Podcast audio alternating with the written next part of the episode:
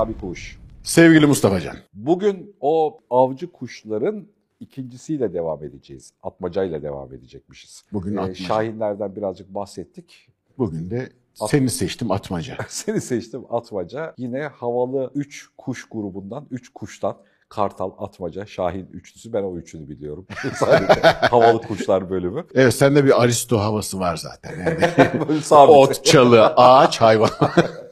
Canlılar kaça ayrılır? Dörde. Hayvanlar, bitkiler, insanlar ve ağaçlar diye. Böyle diyen bir Karadenizli arkadaşım vardı da ona gönderme yaptım. Bekir'in de kulakları çınlasın. Atmacalarla alakalı, atmacalar Türkiye için önemli hayvanlardan bir tanesi. Türkiye'de de varlar. E, Tabii. Hatta böyle azıcık hasır altından da ticareti de yapıldığını da biliyorum. Ee, Büyük önlemler alındı, engellenmeye çalışıyor. evet Karadeniz'de bir Karadenizli olarak o hikayeleri vardır. İnsanlar atmaca avlamaya, yakalamaya giderler falan. Yavru atmaca e, almaya çalışırlar falan. Öyle öyle öyküleri vardır. Atmacayla tanışalım birlikte. Önce klasik evrimsel hikayesine bakalım. Evrimsel olarak dinozorlardan, tüm kuşların dinozorlardan geldiğini biliyoruz. Dinozorların yaşayan en yakın akrabası kuşlar abi. Hiç bunun şey yok. Evet, evet. Bu, bu, bu enteresan bir bilgi olduğu için hiç şey aklımdan gitmiyor yani. Hani sabit bilgilerden bir tanesi. Fakat geldiği sürecin içerisinde yolda bizim dikkatimizi çeken bir evrimsel hikayesi var mı ayrışan atmacalara özel? Aslında bizim bildiğimiz diğer yırtıcılardan morfolojik olarak biraz farklıdır. Şimdi biz e, atmaca diyoruz. Accipiteri familyasından olan e, atmacagiller familyasının içinde birçok şey var, türü var. Yani bizim bildiğimiz kayıt altına alınmış 51 tane kadar türü var. Evrimsel soyunda diğer yırtıcılarla karşılaştırdığımız zaman hani senin de çok iyi bildiğin o üç tane grup var ya mesela gözün önünde canlandır. Bunun içine akbabaları da koy onları da biliyorsundur. Kanat yapıları genellikle e, Şahin'de de konuştuğumuz gibi yükselen sıcak havayı yakalamak için yüzey alanları çok geniştir. Çok az enerji harcayarak çok yükseklere çıkma veya çok büyük alanları dolaşma yeteneğine sahiptir. E, şeyin yırtıcıların birçoğu. E, ama bizim işte Türkiye'de Anadolu topraklarında çakır kuşu veya atmaca dediğimizin kuşun yapısı biraz daha farklıdır. Diğerlerine göre çok daha küçüktür ve kanat yapısını uçarken gördüğünde zaman çok rahat ayırt edebilirsin. Kanatları diğer yaratıcılara göre daha keskin köşeli ve yüzey alanı daha dardır bunların. Öyle hani termali yakalayarak çok uzun süre havada kalacak şekilde tasarlanmamış. E, bu da bize gösteriyor ki evrimsel süreçte aynı kökenden gelmesine rağmen bazı coğrafi izolasyonlardan dolayı e, yapısı diğer yırtıcılara göre bir tık daha farklı olmuş. Yaşadığı habitatlara baktığımızda da bunu üç aşağı beş yukarı görüyoruz. Yani şeyler biz romantik olarak kartalları hep böyle ormanın üzerinde hareket halindeyken görürüz ama mesela şeye gidelim işte Eskişehir civarlarında veya Sivrihisar civarlarında e, Bozkır'da avlandıklarını görürüz. Onlar geniş alanlarda, e, görüş açısının geniş olduğu yerlerde avlanmayı tercih ederler. Balık kartalları keza öyle. Orman tarafında, ormanlık yerlerde yuvalanabilir ama avlandıkları yerler hep geniş alanlardır. Büyük alanları tarayarak avlanırlar. Atmacalar bundan farklıdır. Karadeniz'de de buna şahit olup tecrübe ettiğin gibi ağırlıklı olarak ormanlarda yaşarlar. Ormanlarda avlanırlar ve genellikle de ötücü kuşlarla avlanırlar. O sık orman alanının içinde zemindeki canlıları avladıkları da oluyor istisnai olarak asıl şeyleri e, av e, hedefleri ötücü kuşlardır ve genellikle de ormanlardaki büyük ağaçların tepelerine yuvalarlar. Bu coğrafi izolasyon ve yaşadıkları habitatın özelliklerine göre diğer e, yırtıcılardan görünüm olarak biraz daha farklılaşmış. Bu neyi sağlamış? Kartal çok hızlıdır, Şahin çok hızlıdır ama hız rekoru atmacadadır. Olağanüstü hızlara ulaşabilir. Bazıları e, abartılmış olabilir ama muhtemelen de abartılmıştır. Hani ava dalış esnasında ses hızına yaklaştığını iddia edenler bile olabiliyor. Çok şaşırmam eğer ölçtülerse de bilgim dahilinde değil. Ama vücut yapısı ve dalış esnasındaki o kanatlarını kapatıp Amerikalıların bu hayalet uçağı var ya atmacanın kanatlarını kapattığın zaman figürü ona çok benzer. İkisi birbirine çok yakındır. Yüksek hızlarda dalış yapıp e, işte uçan kuşları yakaladığında çarptığı anda belini kafasını falan kırıyor yani o kadar güçlü ve hızlı davranıyor. Yine keskin gözlere sahip. Tabii.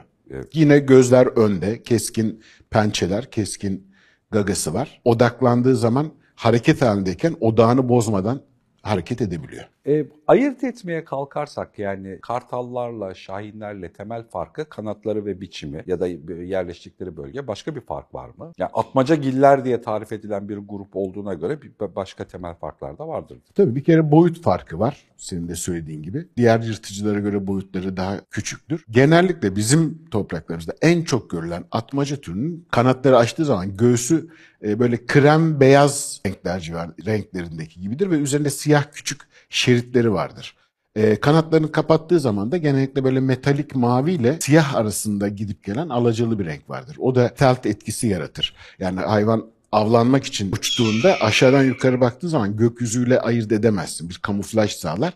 Daha büyük bir yırtıcı yukarıdan atmacaya baktığı zaman da yeryüzü şekilde özellikle orman canlısı olduğu için üstten baktığında da gene bir kamuflaj hissi yaratır. Ama en güzel ayırt etme yolu dürbünle bakıyorsan göğsündeki ve kanatların altındaki beyazlık e, ve kanatlarının böyle köşeli ben hızlıyım abi diye bağıran yapısıdır. Tasarım kafadan böyle diyorsun. Tabii. Böyle gerçekleşmiş. Yani ses hızını aşıyorsa da şaşırmam. Bilgim dahilinde değil ama hani abartı aa hı, hı, olabilir falan Ömrüne derim yani. Yani esaret altında yaşayanlar 6 yıl, 7 yıl, 8 yıl yaşayabiliyor. Doğada da 3 aşağı 5 yukarı bu minvalde yaşama ihtimali yüksek.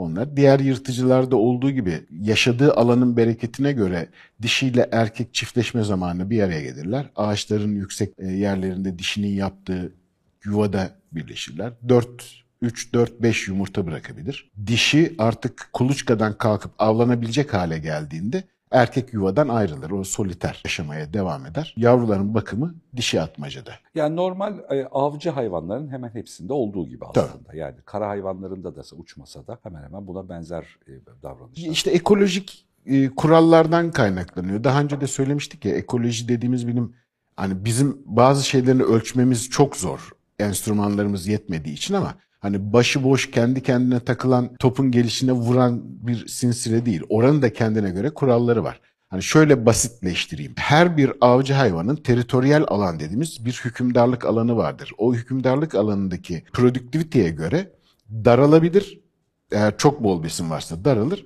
besin azsa genişler. Bu teritoriyel alanda eş dahi olsa iki avcı hayvanın beraber avlanması av sayısını düşürüyor. Ama bu tek başına kural değil. İşte oranın habitatına bağlı, produktivitesine bağlı, orada solucan var mı yok mu ona bağlı, ağacın türüne bağlı.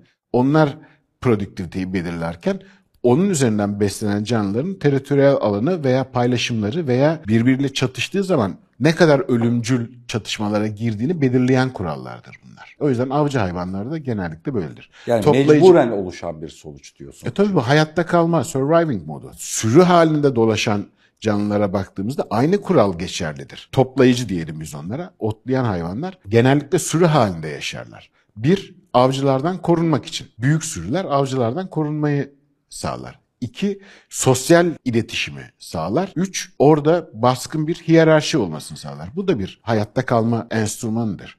Ve ne yaparlar? Onlar da göç ederler. Produktivite gö- düştüğü zaman teritoriyel alanı yoktur. Göç alanı vardır. Bilirler hangi mevsimde, nerede, kaç gün sonra ot çıkacağını ona göre hareket ederler. Atmacaları nasıl eğitiyorlar? Yani dinozor kökeninden gelen bir hayvanın eğitimi mümkün demek ki ki atmacalar e, kullanılıyor avlanmada. Ama nasıl eğitiyorlar hiç fikrin var mı? Yani Şimdi daha önce de Şahin'den bahsederken konuşmuştuk. Dünyanın birçok yerinde zaten av hayvanı olarak kullanılıyor. İşte atmaca bizde çok kullanılıyor. İşte kartal kullanılıyor, şahin kullanılıyor. Eğitimlerinde genellikle e, şartlandırma yapılıyor ve yavruyken alırsan daha iyi eğitiliyor. Belli bir görev veriyorsun. O görevi yaptığı zaman ödüllendiriyorsun. Ödüllendirme o işin tekrarlanabileceği ve aç kalmayacağı mesajını veriyor. Hele bir de küçükten alıp bunu yaptığın zaman onu doğal davranışı zannediyor hayvan. Ee, bazı bölgelerde şimdi bütün dünyada üzerinde çok duruluyor bu tür hayvanların eğitilmesi üzerine. Çok büyük yasaklar var ama aynı zamanda kültürel bir doku olduğu için belirli koşullarda da izin veriliyor. Mesela ehliyet veriliyor bununla ilgili. Bu yapabilir, bu kişi yapabilir. Ona da görev ve sorumluluklar veriyorlar. Etik dışı davranışlarla eğitmeyi büyük oranda engellediler. Şimdi kopyasını vermeyeyim de avladığı hayvanı yemesi e, sahibine geri getirmesi için kullanılan yöntemler biraz insanlık dışı yöntemlerdi. Şimdi bu şey de gelişiyor, bilgi de gelişiyor, bilim de gelişiyor. Artık onları kullanmadan daha soft yöntemlerle yapılabiliyor. Atmacanın avlandığında elde edeceği kuş vesaireyi falan falan e, bir avcı için yani bir insan için değerli mi? Yani onu avlanmada kullanması. Şimdi biz bunu birazcık havalı ve süs nesnesi gibi kullanıyoruz. Zamanında bir ihtiyaç olarak yapmış olmalılar. E tabii ki yani bizim... Teknoloji o çünkü.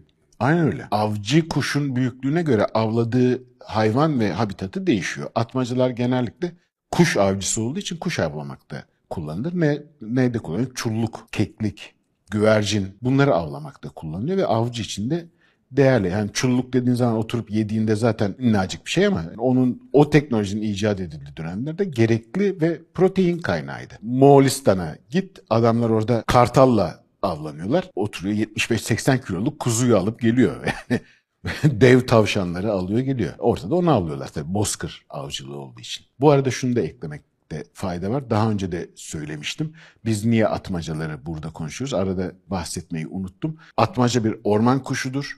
Ağaçların üstünde yaşar ama İstanbul'un çevresindeki orman alanlarında yerleştiğini biliyoruz. Orada var. Fakat bizim yüksek binalarımızı, gökdelenlerimizi, e, işte kulelerimizi kullanmaya başladı. Ben e, şeyde Göztepe tarafında birebir tanıştığım bir atmaca oldu. Kendisi ölüydü ama e, olsun. Muhtemelen camları bazen ayırt edemiyorlar. Hızla uçarken binanın camına çarptığı zaman boynu kırılabiliyor ölüyor. Öyle bir atmacaya rastladım. Yani teritoriyel alanının çok geniş olduğunu dahi farz etsek Göztepe'nin 25-30 kilometre çaplı bir dairesinde bir atmacayla yaşıyoruz. Sabahları erken saatlerde E5 veya Kuzey Otobanı'ndan gittiğim günlerde de büyük gökdelenlerin, büyük binaların olduğu yerlerde çok sık görüyorum. Sizin de görmenizi tavsiye ediyorum. Seyretmesi çok zevkli. İstanbul'da da olsak birazcık başka canlıları da görebileceğimiz şekilde bakmaya eğitmek kendini. Onlarla beraber öyle ya da böyle yaşıyoruz. Onları da görebilmeye eğitmek bir iş.